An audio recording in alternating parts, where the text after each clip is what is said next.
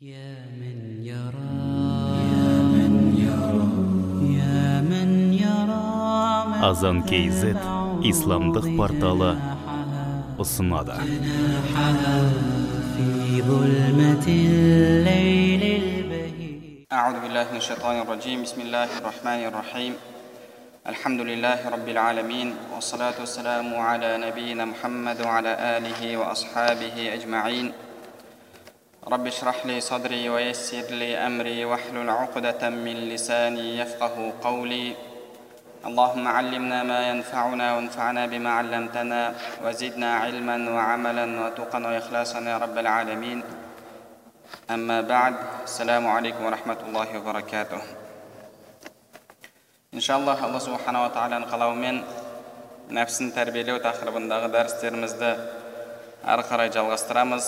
Біз өткен дәрістерімізде тәкаппарлық тақырыбын одан кейін аужуб одан кейін әл ғурур яғни дүниемен алдану дүниеге қатысты кейбір күмәндарға түсу және алла субханала тағаламен мәміледе күмәндарға түсіп шайтанның алдауына алдану тақырыбына тоқталған болатынбыз.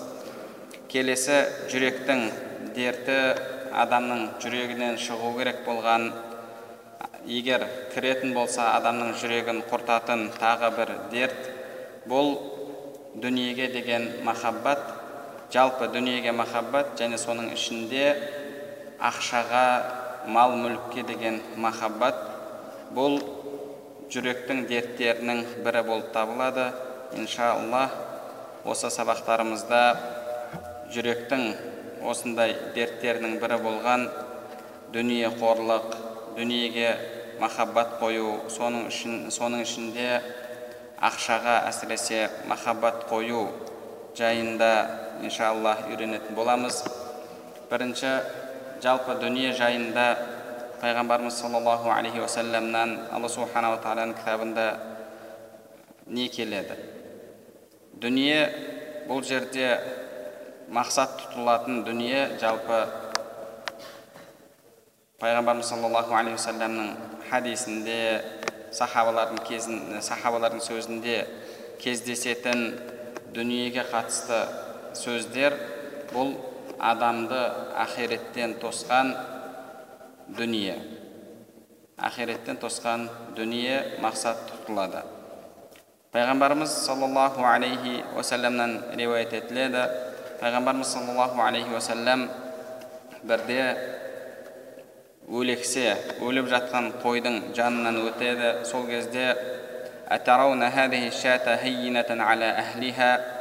мынау өліп қалған өлексе арам өлген қойдың иелері үшін бір маңыздылығы бар ма оларға осы керек пе деген кезде адамдар min хауаниха алқауха керек болмағаннан кейін тастады ғой оларға жарамағаннан кейін деді сонда пайғамбарымыз саллаллаху алейхи уассалам والذي نفسي بيده للدنيا أهون على الله من هذه الشاة على أهلها менің қолым менің жаным қолында болғанымен ант ішіп айтамын яғни алла субханала тағаламен ант ішіп айтамын алла үшін дүние мынау қой қаншалықты керек емес қаншалықты маңызды болмаса отбасы сол қойдың иелеріне дүние алла субханала тағаланың алдында одан да төмен деді басқа бір хадисте пайғамбарымыз саллаллаху алейхи уассалам айтты لو كانت الدنيا تعدل عند الله جناح بعوضة ما سقى كافرا منها شربة ماء егер дүниенің алланың алдында бір масаның қанатындай салмағы болғанда аллаху субханаху тағала бұл дүниеде кәпір адамға өзін танымайтын өзіне шүкіршілік жасамайтын сол нығметтердің шүкіршілігін жасамайтын адамға бір тәттім бір жұтым суды нәсіп етпес еді дейді бірақ алла субханала тағала кәпірге де мүшрикке де басқасына да дүниені беріп жатыр есепсіз яғни алла субханала тағаланың алдында дүниенің масаның қанатындай салмағы жоқ. Имам термизилер имам муслимдер келтірген хадисте пайғамбарымыз саллаллаху алейхи уассалам дүние мұсылман адамның мұсылман адамның зынданы кәпір адамның жәннаты деді. Кәпір адамның жәннаты кәпір адам бұл дүниеде қиналып өтсе де бұл дүниеде жағдайы жақсы болмаса да ол адам үшін яғни кәпір үшін бұл дүние жәннат секілді. Себебі бұл дүниеде қанша қорлық көрсе де оның бұл қорлығы ақиреттегі азабымен салыстырған кезде жәннат секілді көрінеді. Пайғамбарымыз саллаллаху алейхи уассалам тағы бір хадисінде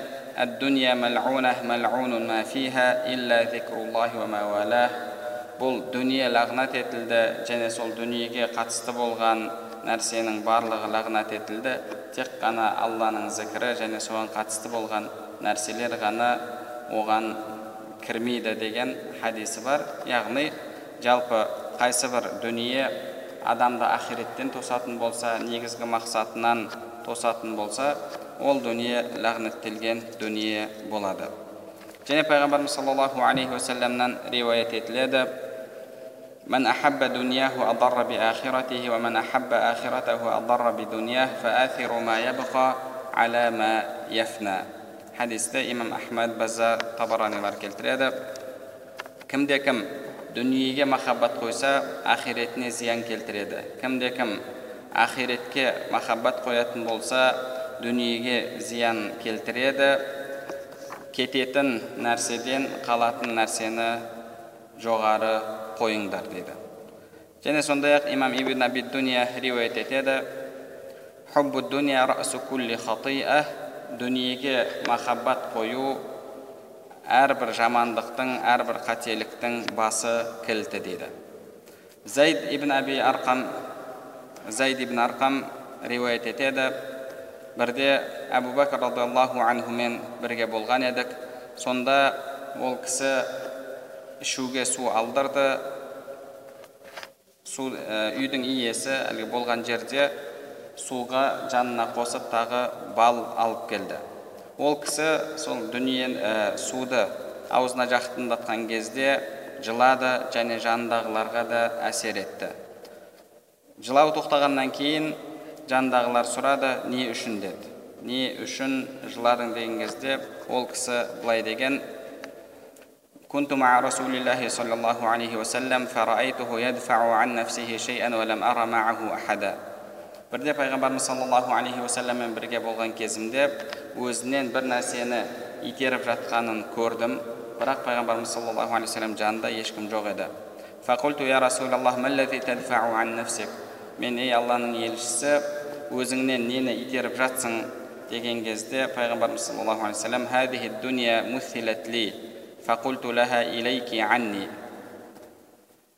маған көз алдыма дүние келтірілді сонда мен дүниені итеріп менен ұзақ бол дедім кейін қайтып келіп айтты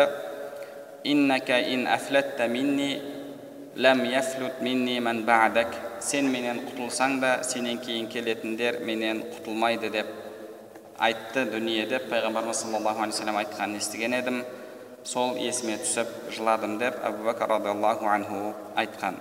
Бұл хадисті имам хаким имам ибн аби дуния және имам байхақилар келтірген. Пайғамбарымыз саллаллаху алейхи уассаламнан тағы да риуаят етіледі.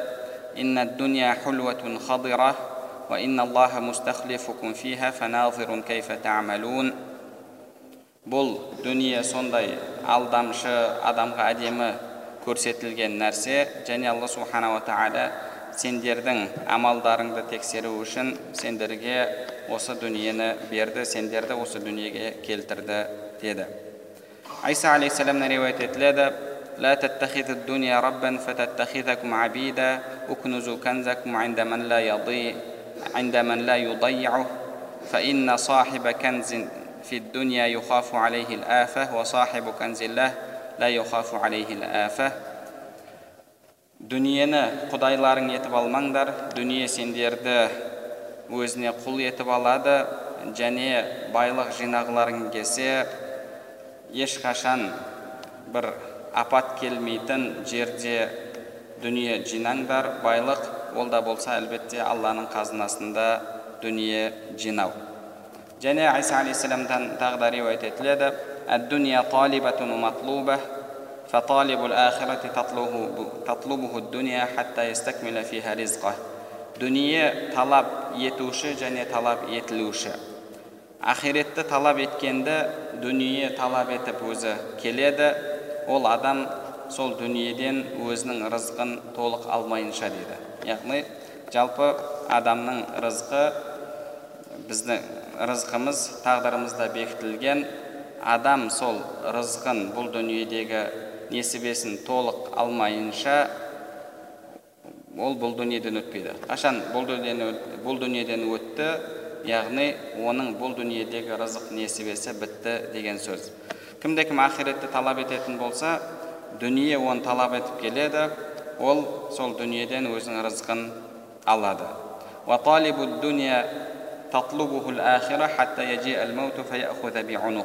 ал енді дүниені талап етіп жүрген адамды ақирет талап етіп келеді де өлім келіп оның мойнынан жұлып алып кетеді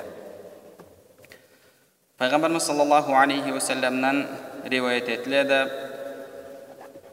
يقول ابن آدم مالي مالي وهل لك من مالك إلا ما أكلت إلا ما أكلت فأفنيت أو لبست فأبليت أو تصدقت фәәбіқайт адам дүние дүние дейді саған бұл дүниеден бұл дүниеде саған тек қана жеген нәрсең ғана және киіп тоздырған нәрсең және садақа беріп қалдырған нәрсең ғана саған қатысты яғни э, сенің несібең одан басқасы сенің несібең емес деді. Адам мысалы қанша дүниесі бар кейде бір адамның есеп шотында миллиардтап ақшасы болып жатады. Бірақ сол өмірінде соның оннан бір пайызын пайдаланатын шығар. Он немесе он пайызын пайдаланатын шығар. Оған қажетті нәрсесі ана тамағы жататын жері осы ғана оның несібесі яғни дүниесінен жейді немесе киеді пайдаланады. Одан басқа әлгі шотында тұрған қанша миллиондаған ақшалардың ешқайсысы негізінде шындап келгенде оның несібесі емес себебі ол оны пайдаланып жатқан жоқ. Және садақа беріп қалдырғаны ғана оның несібесі бұл әлбетте ақиреттік несібесі болып оның табылады. Хадисті имам муслим рахмаулла келтіреді. Және пайғамбарымыз саллаллаху алейхи вассаламнан риуаят етіледі. إن الدنيا دار من لا دار له ومال من لا مال له ولها يجمع من لا عقل له бұл дүние үйі жоқтың үйі дүниесі жоқтың дүниесі және ақылы жоқ осы дүние үшін жинайды дейді хадисті имам ибн аби дуния имам байхақилер келтірген яғни ақиреттен несібесі болмаған адамның бұл дүние оның үйі және ақиреттен несібесі болмаған адамның бұл дүние мал мүлкі осы дүниеде ғана пайдаланады ал ақиреттен оның ешқандай несібесі жоқ айса алейхисаламнан тағы да риуаят етіледі لا يستقيم حب الدنيا والآخرة في مؤمن كما لا يستقيم الماء والنار في إناء واحد адамның жүрегінде дүниеге деген махаббат пен ақиретке деген махаббат жиналмайды. Бір ыдыстың ішінде от пен су жиналмағандай дейді. Және сондай ақ нух алейхисаламнан риуаят етіледі. Жібрил алейхисалам сұрады дейді я умран ей ең ұзақ өмір сүрген пайғамбар кайфа дүния дүниені қалай көрдің дүние сен үшін қандай? деген кезде فقال كدار لها بابان دخلت من أحدهما وخرجت من الآخر бір екі есігі бар үй секілді көрінді деді бір есіктен кірдім екінші есіктен шығып кеттім деді болмасам нух алейхисалам құранда алла субханала тағала өзінің жұртында елу жылы кем тоғыз жүз елу жылы кем мың жыл болды дейді яғни бұл ол кісінің дағуатпен айналысқан уақыты. Одан алдыңғы тағы да қанша уақыты бар ә, туылған уақытынан бастап есептегенде былайша айтқанда он ғасыр өмір сүрген адам. Он ғасыр мың жыл. Мың жыл бір есіктен кіріп екінші есіктен шығып кеткен уақыт секілді көрінеді. Және қазір қанша мысалы 80 жасаған 90 жасаған адамдардан да сұрасаңыз дүние қалай өтті десеңіз қас қағым сәтте өтіп кетті ғой. Кеше ғана жас болып жүрген секілді едік міне бүгін қартайып қалдық деген сөзді айтады. Пайғамбарымыз саллаллаху алейхи уассаламнан тағы да риуаят етіледі. Пайғамбарымыз саллаллаху алейхи уассалам әбу убайда ибн жаррахты бахрейнге жіберді. Зекетін жинап келуге сонда зекетін жинап келген кезде алдынан ансарлар мұхажирлер күтіп алуға шықты пайғамбарымыз саллаллаху алейхи уассаламмен бірге олар таң намазын оқып болғаннан кейін әлгі жиналған қауымды көріп пайғамбарымыз саллаллаху алейхи вассалам айтты енді әбу убайда бір нәрсе алып келді деп соны дәметіп келіп отырсыңдар ма деп күлді жалпы бір жақтан келген адам болатын болса адамдар барады мысалы қажылықтан келген адам болсын немесе бір сапардан келген адам болған кезде бір нәрсе алып келдім екен бір базарлық қандай бір базарлық берер екен деген секілді жалпы адамдарда ой болады сонда әжәл я расулаллах оларды я расулаллах солай деді пайғамбарымыз саллаллаху алейхи уассалам сонда айтты فوالله ما الفقر أخشى عليكم ولكني أخشى عليكم أن تبسط عليكم الدنيا كما بسطت على من كان قبلكم فتنافسوها كما تنافسوها فتهلككم كما أهلكتهم والله мен сендер үшін кедейліктен қорықпаймын бірақ сендерге дүние есігі айқара ашылып алдыңғыларға айқара ашылғандай сөйтіп дүниеде бір біріңмен жарысып алдыңғылар құрдымға кеткендей құрдымға кетеді ме деп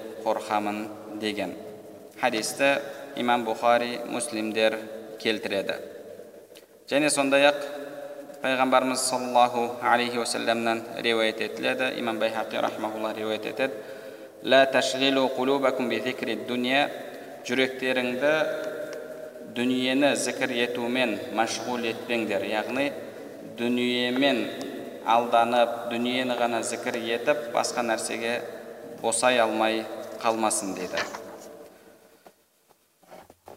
али радиаллаху анхуден келеді кімде кім алты нәрсені алты сипатты жинайтын болса онда ол жәннатты талап етуші және тозақтан қашушы адам дейді біріншісі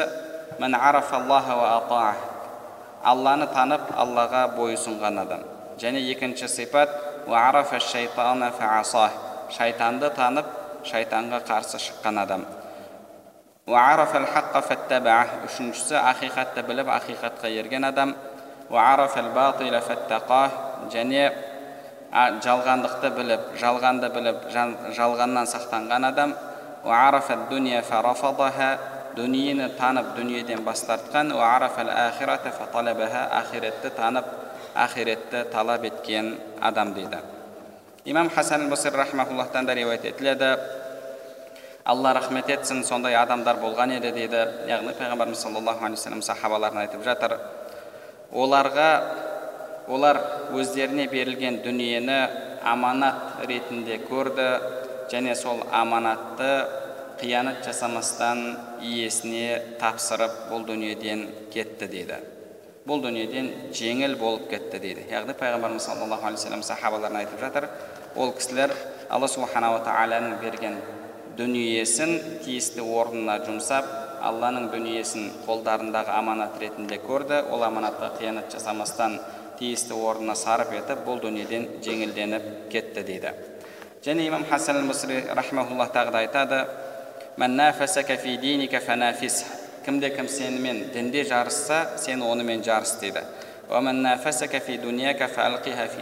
Енді кім сенімен дүниеде жарыспақшы болса онда ол дүниені сол адамға лақтыр дейді лұқман әл хакимнен риуаят етіледі يا بني إن الدنيا بحر عميق قد غرق فيه ناس كثير فلتكن سفينتك فيها تقوى الله عز وجل ей балам дүние сондай бір терең теңіз және сол теңізге көптеген адамдар батып кеткен бұл теңізде сенің кемең алланың тақуалығы алладан қорқу болсын деді яғни кімде кім кемесін тақуалық ететін болса ол теңізден иншалла аман есен жағаға шығады кейбір ғалымдардан дүниені бізге сипаттап берші деген кезде ол кісілер يخلق الأبدان ويجدد الآمال ويقرب المنية ويبعد الأمنية денені кәртейтеді яғни уақыттың өтуі жалпы дүние.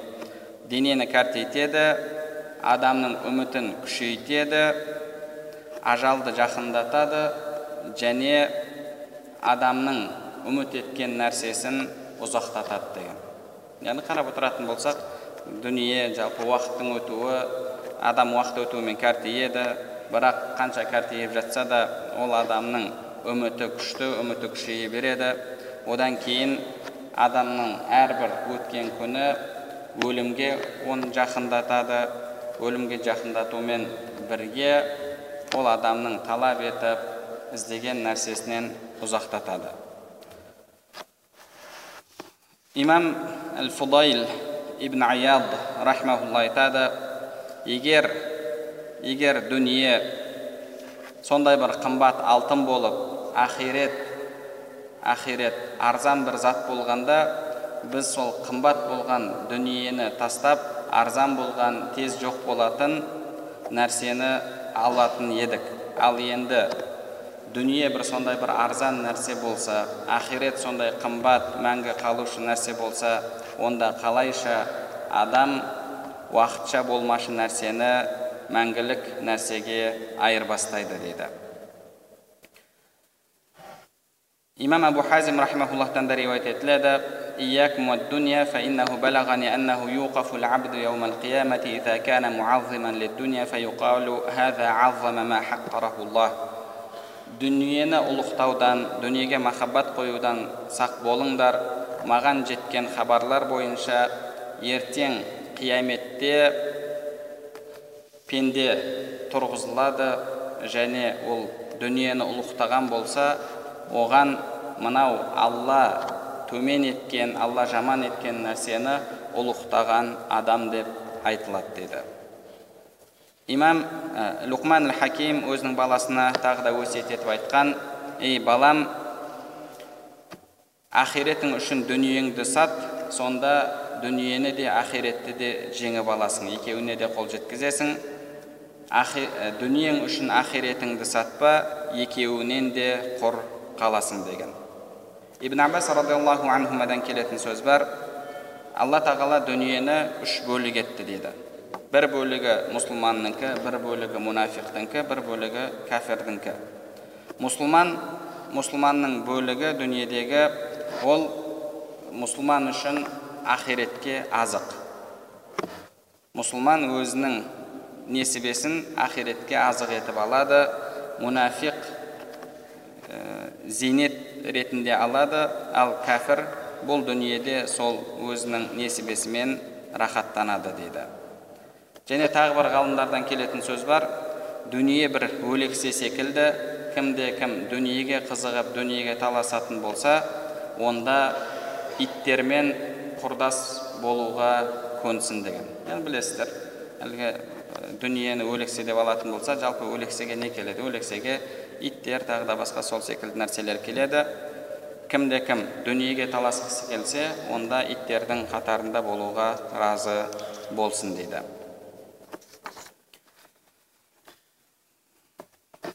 Бір кісі али радиаллаху анхуға келіп ей мұсылмандардың басшысы маған дүниені сипаттап берші деді. Сонда ол кісі дүниені не деп саған сипаттап берейін. Дүниеде сау жүрген адамның өзі ауырады. Өзін амандықта сезініп жүрген адам ертең өкінеді.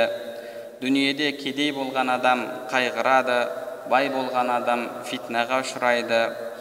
Дүниенің халалында есеп бар арамында азап бар күмәнді болғанында сөгіс бар деп жауап берген. Яғни жалпы кедей адам қайғырады бай адам фитнаға ұшырайды. Құранда алла субханала тағала айтқандай адам байығанын көрсе шектен шығады дейді. Кедей қайғырады бай шектен шығады. Дүниенің халалында есеп бар харамында харамында азап бар. Және күмәндісінде сөгіс бар деген. Және тағы бірде ол кісіге сондай сұрақ қойылған. Дүниені сипаттап берші деген кезде ұзағынан түсіндіріп берейін бе қысқаша айтайын ба деген кезде қысқаша айт деген кезде ол кісі халалуха хисаб уа харамуха азаб деген. Оның халалында адалында есеп бар арамында азап бар деген. Яғни дүниеңнің дүниең адалынан болатын болса сол адал дүниең үшін алла субханала тағаланың алдында ертең есебін бересің арамнан тапқан болсаң онда ол үшін азапталасың. Имам әбу сулейман дарани рахмаулла айтады егер адамның жүрегінде ақирет болса дүние келіп ақиретпен сол жүрекке таласады дейді. Егер адамның жүрегінде дүние болатын болса ол жүрекке ақирет келіп дүниемен таласпайды. Себебі ақирет он дүниемен таласудан жоғары болған нәрсе ал дүние болса бір сондай нашар төмен болған нәрсе дейді. Яғни сіз егер дүниеге махаббат қойып ойыңыз есіл дертіңіз тек қана дүние болатын болса иман ақирет келіп сіздің жүрегіңізге кіріп сол дүниемен таласып соның орнына отырып алады деп ойламаңыз. Ал бірақ ақирет жолында жүретін болсаңыз әлбетте дүние шайтан сізді қалдырмайды келіп бәрібір азғыруға тырысады. Имам мәлик ибн динар рахмауллахтан келеді. Адам қаншалықты дүниеге қайғырса ақирет уайымы жүрегінен соншалықты шығады. Және қаншалықты ақирет үшін қайғыратын болсаң соншалықты дүние сенің жүрегіңнен шығады дейді. Осыған ұқсаған али радиаллаху анхуден де келетін сөз бар. Ол кісі айтады дүние мен ақирет бір адамның екі әйелі секілді дейді. Бір адамның екі әйелі секілді. Біреуін қаншалықты разы қылсаң екіншісі соншалықты саған ашуланады деді біреуін қаншалықты разы қыламын десең екіншісі саған соншалықты ашуланады. Имам суфиян тәури рахмауллахтан келетін сөз бар. Баданик денең үшін дүниеңнен ал ақирет үшін жүрегіңнен ал деді және имам уахб ибн мунаббих рахмауллахтан келетін сөз бар. Алдыңғы кітаптарда оқыған сөздерімнен дүние бұл ақылдылардың ақылдылардың ғанимет біліп пайдаланып қалатын яғни олжа алып қалатын орны надандардың ғафлетте болатын жері деді. Ғафлетте болады және олар ғафлетте болғанын дүниеден шыққаннан кейін барып сезеді деді. Ақылды адам бұл дүниенің ақиқатын біледі алла тағала дүниені не үшін бергендігін біледі сонымен дүниені тиісті орнына пайдаланады да одан содан ол жалы болып ақиретке кетеді. Яғни бұл дүниеден азық алып ақиретке кетеді. Ал надандар дүниеге махаббат қойғандар ғафлетте немқұрайлықта болады да өздерінің алданып жүргендіктерін дүниеден шыққаннан кейін біледі. Енді қайтып келейік деп сұраған кезде олар қайтарылмайды дейді. Имам әл хасан айтады адамның жаны денесінен шығып жатқан кезде үш нәрсеге өкініп шығады деді біріншісі أنه لم يشبع مما جمع ولم يدرك ما أمل ولم يحسن الزاد لما يقدم عليه біріншісі жинаған нәрсесіне тоймады деді жинаған нәрсесінің рахатын көре алмай қалдым деп өкінішпен шығады деді яғни мысалы адам өліп тіріліп жұмыс істейді жұмыс істейді жұмыс істейді осының ертең рахатын көремін ләззатын көремін деп сөйтіп бір күн келеді соның ләззатын көре алмастан дүниеден өтіп кетеді. Біріншісі жиған нәрсемнің ләззатын рахатын көре алмадым деп өтеді. Екіншісі алдыма қойған арманыма жете алмадым деп өкініп өтеді. Және үшіншісі бара жатқан жағыма азық жинай алмадым деп өкініп өтеді деді. Яғни қарап отыратын болсақ шынында да адам дүниеге махаббат қойып дүниенің артынан қуып жүре береді. Сөйтіп бір күні қалай оған өлім періштесінің келіп қалғанын білмей қалады. Сол кезде қап осы жиған дүниемнің ең болмағанда сәл де болса бір рахатын көрсем еді деген өкініш те болады және тағы да біраз өмір сүргенімде тағы мына нәрселерге қол жеткізгенімде еді деп тағы бір өкінеді. Қап ақирет келіп қалыпты ғой ақиретке де бір нәрсе жинап алу керек еді деп ол үшін тағы да өкінеді. Өзіміз де өмірде көріп жатамыз.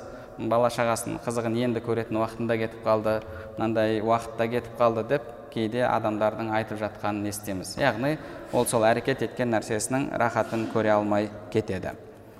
Имам абу сулейман дарани рахмауллахтан тағы да келетін сөз бар.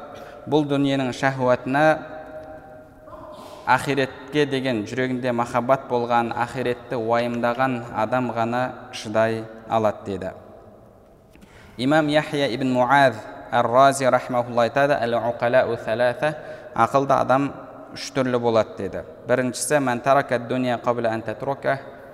дүние оны тастамай тұрып дүниені тастаған адам және екіншісі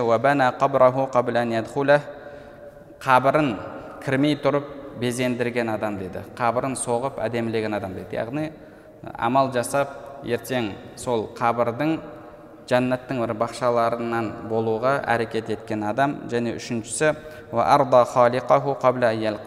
раббысымен қауышпай тұрып раббысын разы еткен адам деді яғни сіз қаласаңыз да қаламасаңыз да дүниені сіз тастамасаңыз дүние сізді тастайды сіз қабіріңізді безендірмесеңіз де ертең сол қабірге кіресіз пайғамбарымыз саллаллаху алейхи айтқандай қабір тозақтың бір шұңқырларынан немесе жәннаттың бір бақшаларынан.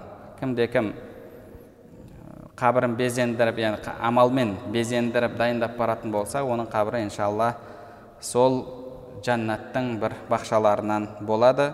Және үшіншісі раббысын қауышпай тұрып раббысымен разы еткен адам деді. Али радиаллаху анхуден тағы келетін сөз бар. Ол кісі айтады дүние алты нәрсе деді дүние алты нәрсе. Тағам сусын киім көлік иіскелетін нәрсе және мәнкух яғни әйел дейді некеленетін нәрсе.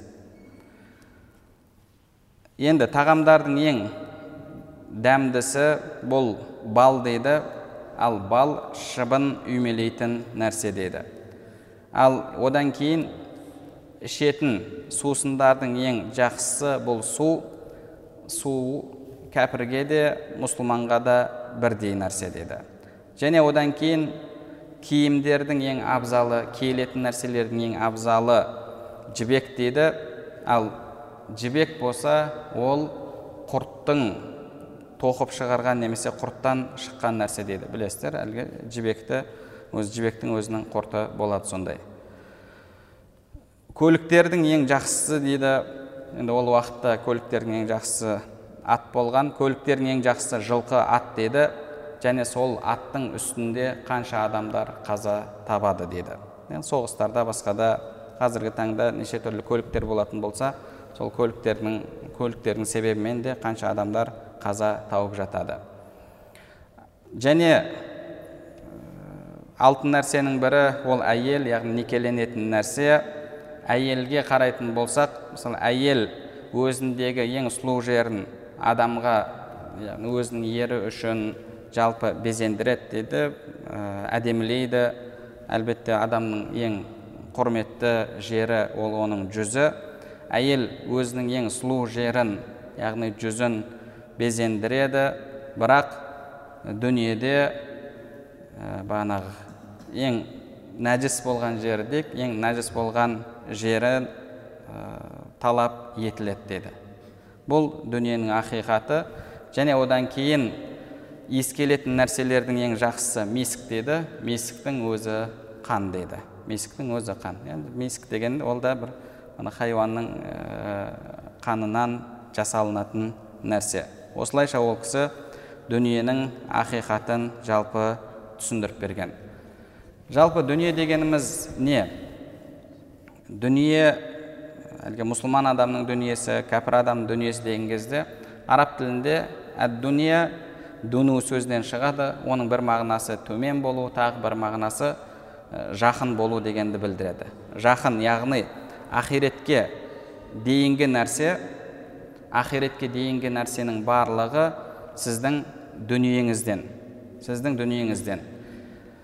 Пайғамбарымыз саллаллаху алейхи уассалам мысалы хуббиба иlayya мин дуниякум сендердің яғни бұл дүниеден маған үш нәрсе жақсы көрілді әдемі етілді деді соның бірі намаз деді намаздың өзін пайғамбарымыз саллаллаху алейхи вассалам дүниеден деді яғни адамның ақиреттен алдын өлімнен алдыңғы алатын нәрсесінің барлығы дүниесі болып табылады енді бірақ сол дүниенің өзі адаммен бірге ақиретке баратын дүние болып табылады және ақиретте өкінішке тығатын дүние болып табылады. Ақиретке баратын дүние. Мысалы адамның бұл дүниедегі алланы зікірімен ләззаттануы құран оқып ләззаттануы құлшылықпен ләззаттануы бұл да яғни бұл дүниелік жақын болған нәрсе бірақ ол адаммен бірге ақиретке баратын нәрсе бұл мақталған дүние болып табылады. Және сол осыған қызмет еткен дүниенің барлығы мақталған дүние болып табылады. Яғни адамда жалпы рух бар одан кейін дене бар және одан кейін солардың қажетін өтейтін нәрсе бар. Біріншісі рух. Рухтың мақсаты құлшылық. Одан кейін дене. Дене әлбетте оған тағам сусын басқа нәрсе керек. Одан кейін дүние біз ақша мал мүлік осы қажетті өтеуге. Яғни ә, дүние мал мүлік дененің қызметінде дене рухтың қызметінде болу керек. Осылай болған дүние ақиретке баратын дүние және ол мақталған дүние болып табылады. Ал олай болмаған дүние ол бағанағы мынау хадистерде айтылған жаман лағнатқа ұшыраған дүние болып табылады. Алла нәсіп етсе бұның бұл мәселені иншалла тағы да келесі апталарда үйренетін боламыз. Алла субханала тағала бәрімізге пайдалы білім нәсіп етсін білімдерімізге амал етуімізді амалдарымыздың қабыл болуын нәсіп етсін. Астағфирук уа атубу